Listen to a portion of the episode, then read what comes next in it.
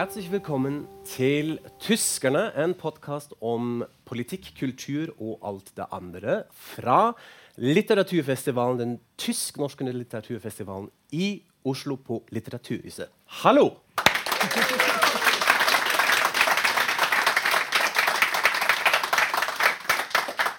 Veldig hyggelig å være her. Vi, dette er eh, Kai Hannorsvindt og Ingrid Brekke. I dag er det episode 33, har jeg sagt det? Kanskje ikke. Nå har du sagt det. Nå har jeg sagt det. Og det var riktig. Ja, eh, vi har jo vært her nå i eh, tre dager og hatt et live podkast fra både tak og kjeller eh, og alt mulige steder.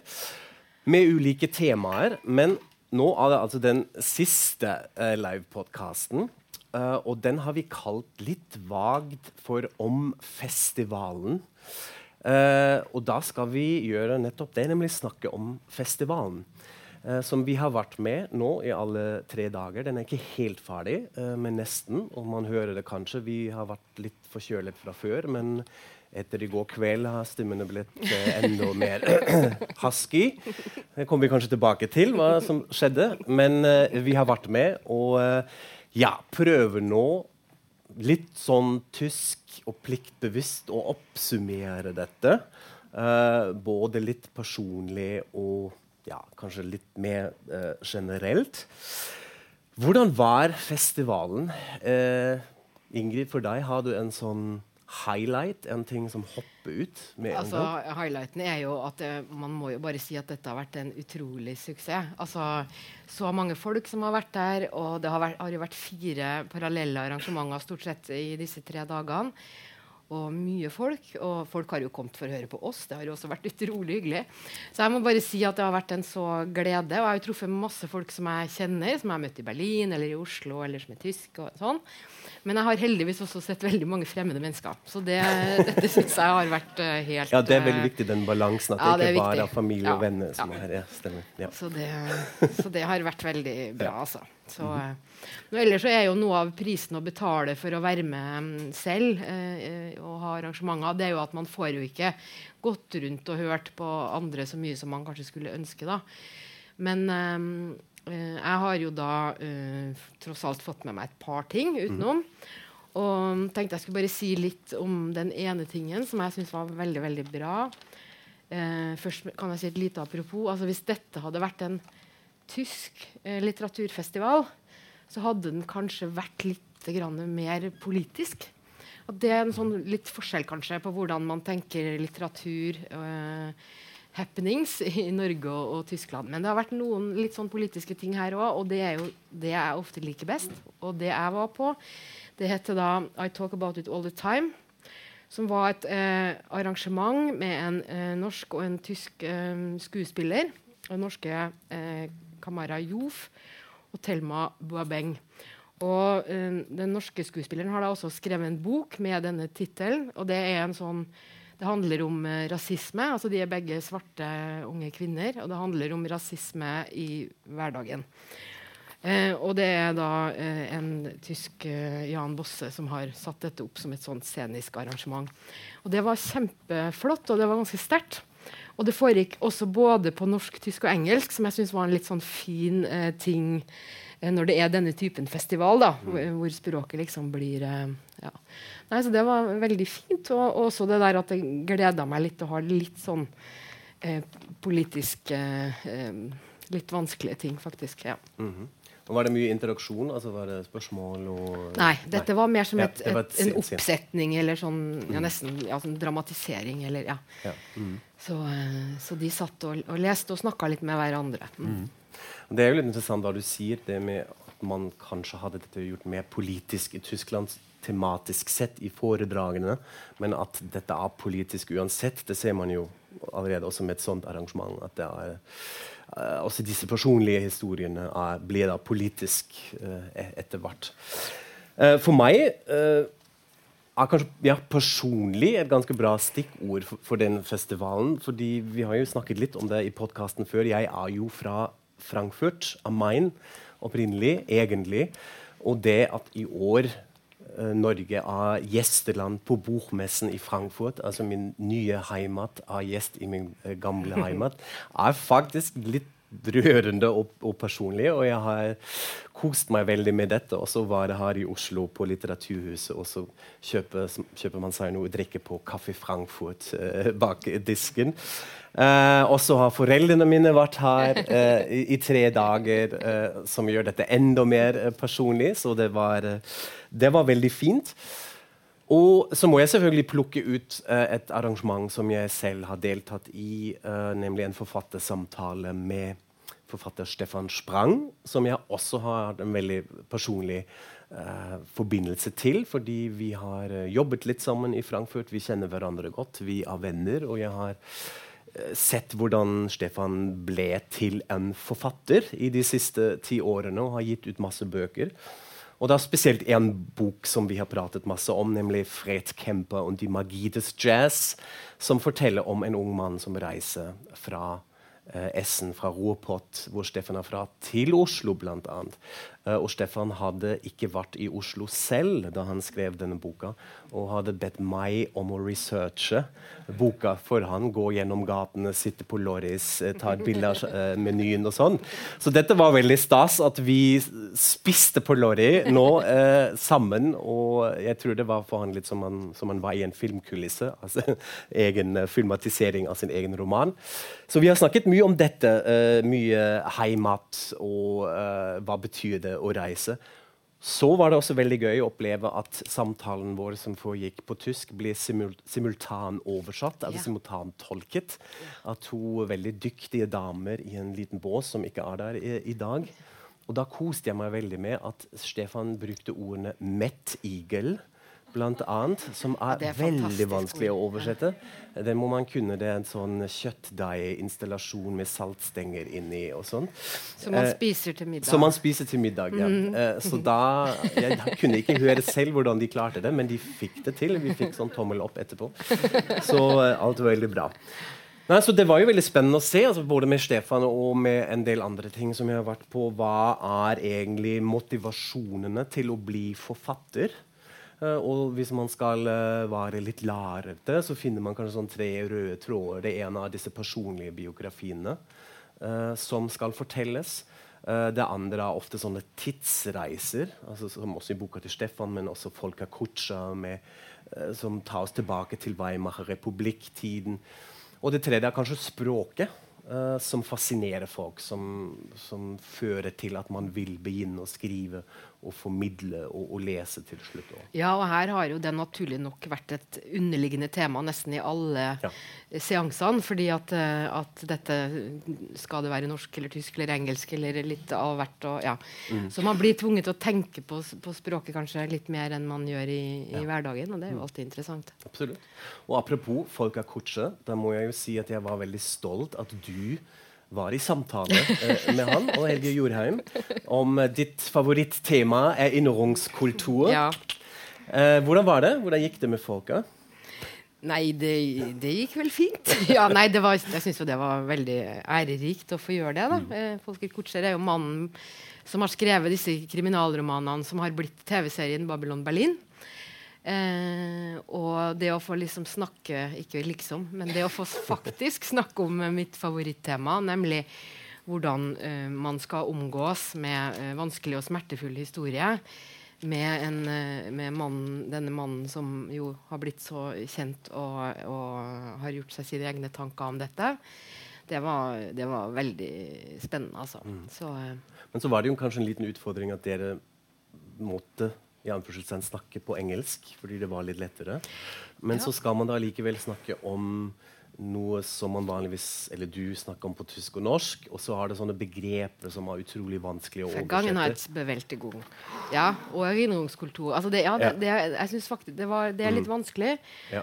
Uh, å gjøre det på engelsk fordi det er noen, altså, noen er nesten uoversettbare, og det er så veldig knytta til sånn tysk kontekst og ja.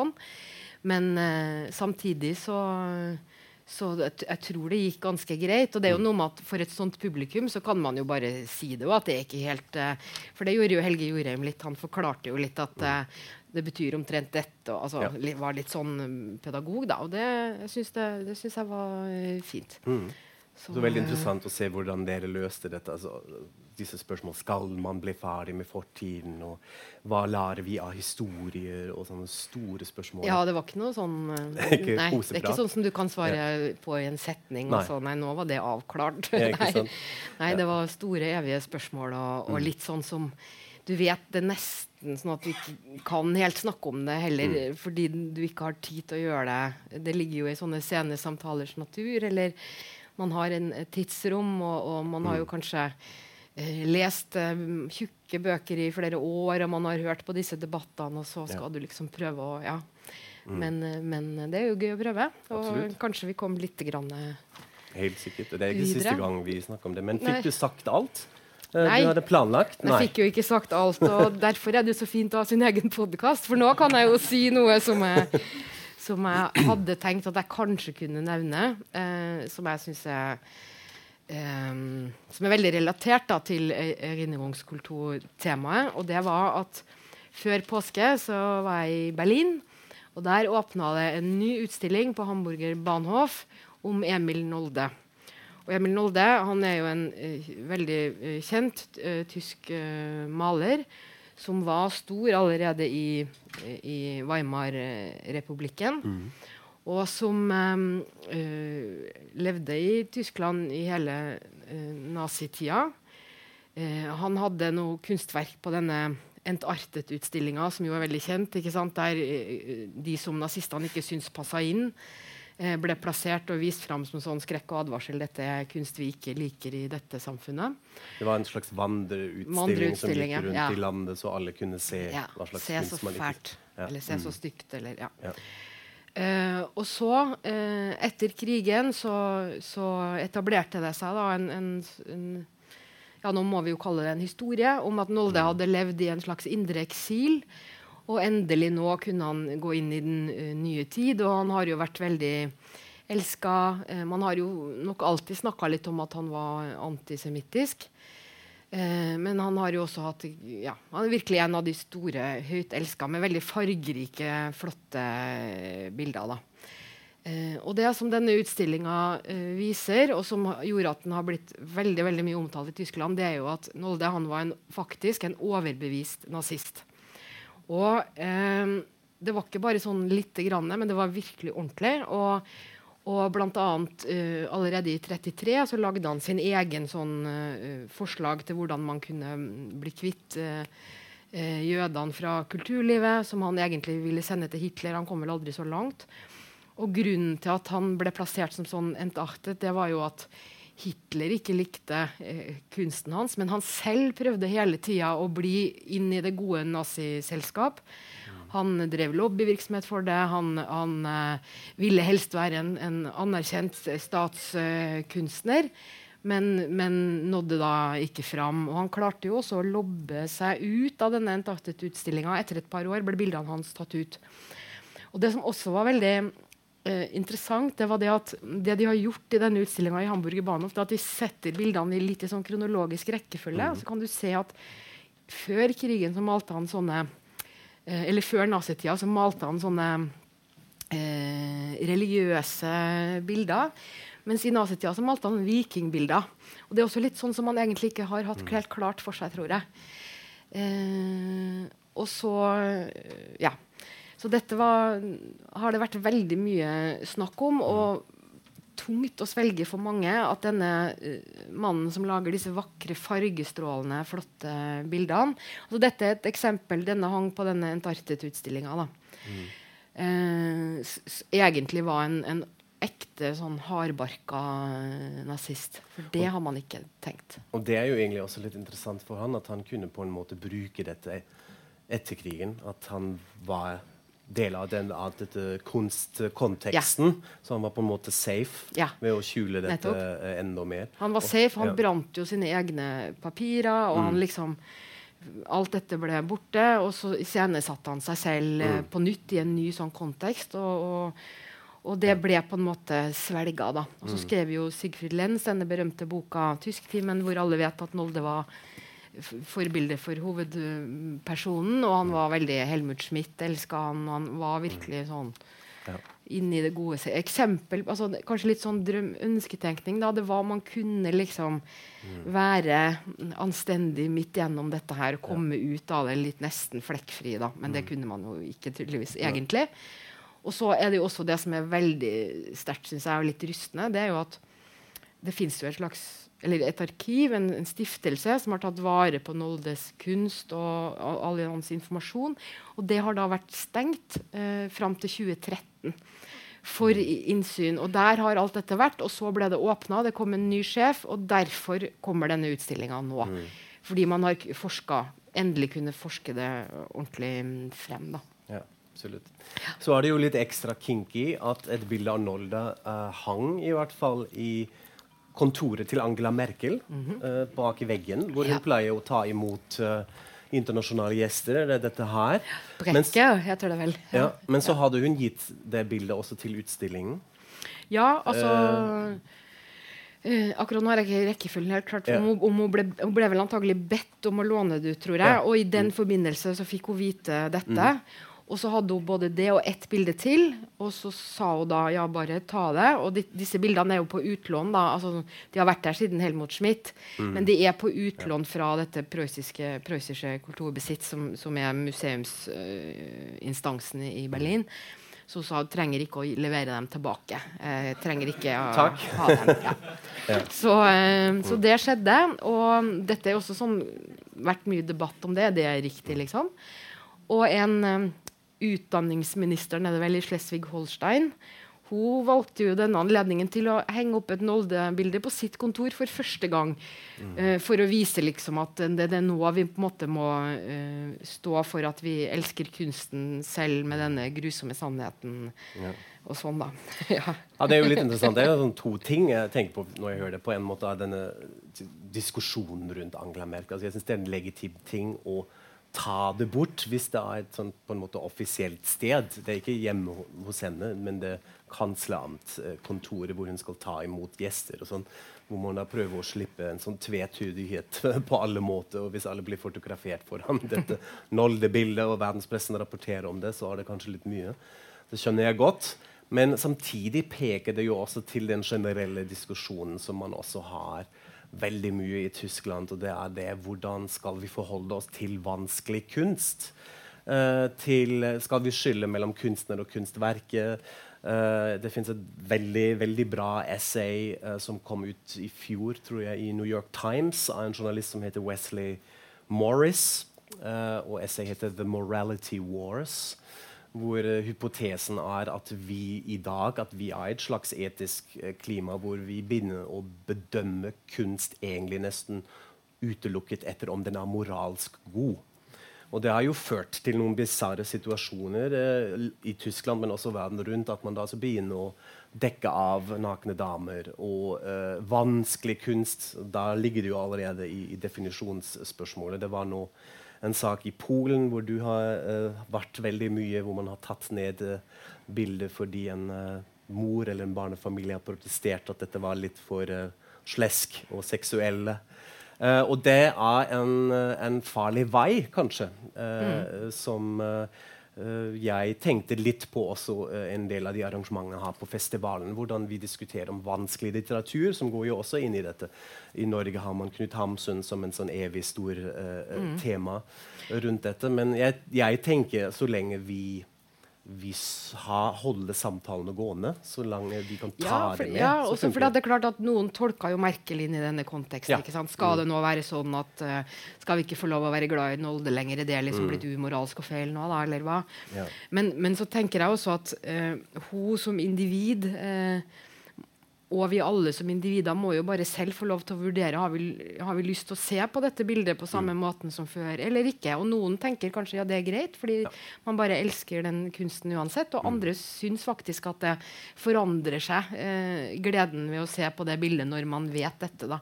Og, og dette kjenner vi oss nettopp igjen i med Hamsun litt. ikke sant? At eh, de aller fleste eh, i Norge er nok vant til at man kan nyte de romanene uansett. Men det er likevel noe som gjør det Man tenker nok på det likevel når man leser ofte. Og det, det har en slags betydning. Og det må man bare eh, akseptere. Ja, altså som, ja, på et individnivå, i hvert fall. Da, Ja. man, ja.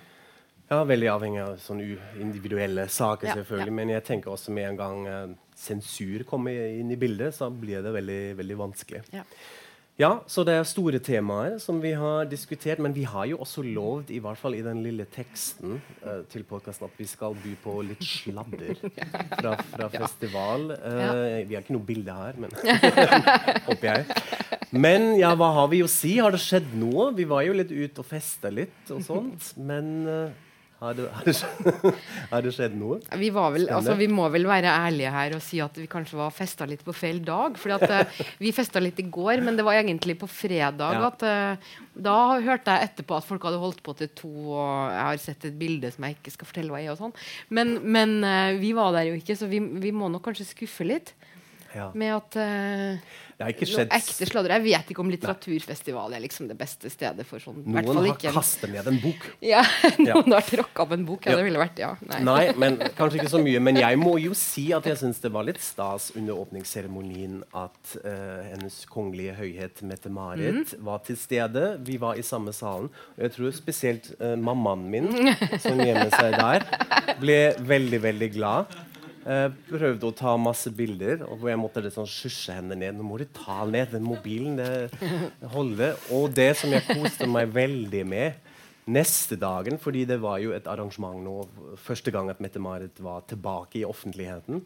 Så det var litt ekstra medieinteresse rundt. Og så ble det også tatt mange bilder når hun kom ut av Litteraturhuset etter åpningen. Og da løp mammaen min etter henne.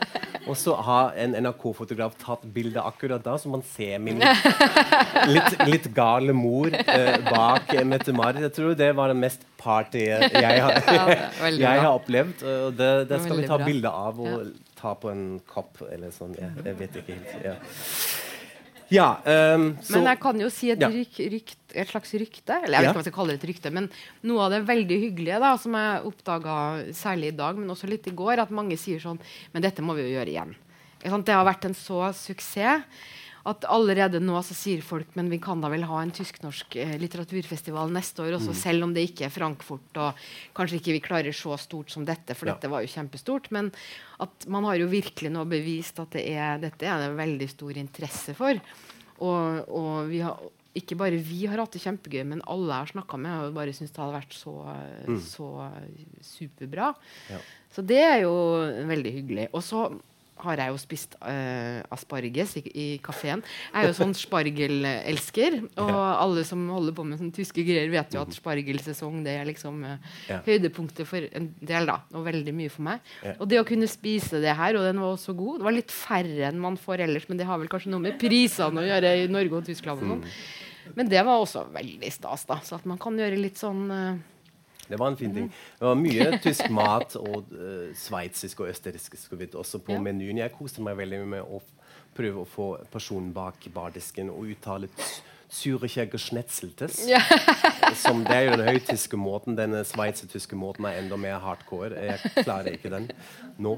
Så ja, jeg, jeg tror det var en bra kickoff. Mm. Og vi har jo hørt noen tall her fra de arrangørene, uten at vi skal eh, eh, si de høyt, men de er ganske fornøyde. Mange flere enn man Mange hadde beregnet på forhånd. enn Ja. som man trodde, og dette er jo kjempefint. Så vi får se hva bokmessen selv, hva slags effekt det har, om dette blir skaper så mye offentlighet, som man alltid sier. I, I Tyskland er det jo en stor interesse for dette Gastland som kommer der, og det er masse spalteplass og medieplass til det. Men om man følger med her, blir jo veldig spennende å se. Uh, om man ser hva skjer med Norge etterpå. Hvordan kommer det til å gå? Vi skal følge med og sikkert rapportere derfra. Og vi skal jo ned til hjemmebyen min. Det er ja, det spennende. Absolutt.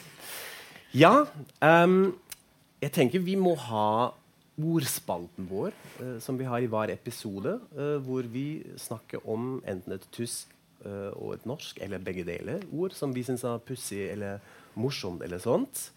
Eh, har vi noe som er relatert til dette her? Ja, jeg har jo et ord Jeg, klarer ikke å si det, du må si det riktig etterpå. Men yeah. et ord som jeg syns er veldig morsomt, det er jo nettopp festival. Eller som man kanskje sier på tysk, festival. Eller yeah. festival. Festi eller. du vil gjøre narr av den Mm. ja, jeg vil gjøre narr av hvordan tyskerne sier det. Festival? Ja. Og ikke bare at de sier det så rart, men det er også litt sånn at Man kan ha festival sånn fire stykker sitter på bar og ser usbekisk kortfilm. Da er man usbekisk filmfestival. Så det er liksom en festival av bare den minste ting. Yeah. Uh, mens i Norge føler jeg at vi, det må være litt størrelse over det før vi begynner å kalle det festival. da. Men det er, jeg syns det er utrolig sjarmerende. Og det fins ikke den ting man ikke har festival om. I hvert fall i, i Berlin, da, hvor som jeg har Ja. eh, observert dette fenomenet. Ja. Jeg, jeg frykter det er helt sant. Og så er det jo litt omvendt i Norge, hvor jeg blir veldig imponert av etter jeg flyttet hit, at det finnes så mange ordentlige festivaler. Eh, også i en sånn lite landsbygd da, som har en sånn stor helgefestival med masse store musikkacts og alt mulig. Så har man veldig glad i dette, men eh, later kanskje ikke Altså kaller det ikke for festival. Eller jo, man gjør jo det. Jo, man gjør jo det, men, Ja. men da er det litt størrelse over det, tross alt. da. Så det er en annen kultur bare å Ja. kalle det. ja. Men da skal vi lage en podkastfestival her. Ja. Eh, eh, I dag også en festival. Ja, en festival, Så da, da går det bra. Ja. ja, vi har også hørt litt sånn rundt hva folk begynte å diskutere. Apropos ord. eh, det er ikke sånn strengt tatt ut ord, men jeg, jeg, jeg syns det var veldig morsomt. Jeg koste meg litt med at en del av disse tyske gjestene, altså deltakere som har vært her, har kommentert de gavene man får, fordi vi alle deltakere fikk en pose. Uh, og da var det en pakke med klippfisk. Uh, som tyskerne syns er veldig morsom. Får jeg en klump med fisk? Takk. Jeg syns også det var litt Ja, morsomt. det var jo veldig fint. Uh, men så var det også en øl. Eh, eller jeg Ikke i husker Nei, den kunne man kjøpe i baren. Ja, stemmer. Ja. I mine, Min pose var full med Men så var det i hvert fall en, et oppskrift til bacalao. Eh, forklart, og da sto det under en sånn hyggelig ment undertekst. 'Macht mude menna munta'. Uh, hvordan oversetter vi det på uh, norsk? Gjør slitne menn glade. Ja. Ja. Og dette er jo en sånn Litt sexistisk. Ja, det er jo det. det. Det er jo en slogan fra 60- og 70-tallet, tror jeg. 50-tallet i Tyskland, som var en sånn melkereklame. Macht mude oh, ja. menna munta', tror jeg. Var det det? Melk? Ja. Ja. Eh, men det blir jo kommentert av Ja. flere tyske gjester at dette er jo litt sexistisk. Ja. Hvorfor bare menn? Ja. Eh, og da tenkte jeg yes, nå er det tyskerne. nå blir dette påpekt uh, og kommentert, så det syns jeg var veldig, veldig fint. Ja. Har du spist opp din fisk? Nei. Nei, det må man jo lage et stort og ordentlig måltid Ja. ut av når man ikke skal drive og springe på festival, festival, Festival. hele tida. Ja. Nei, riktig. Ja. Det, det kan vi, vi kan jo sammen Mm. kjøre våre fiskesessions.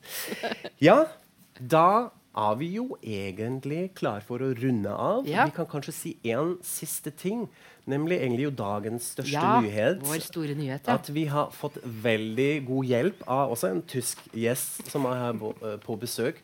Og vi finnes nå på Spotify. Ja, ja kjempebra. Masse Veldig fint.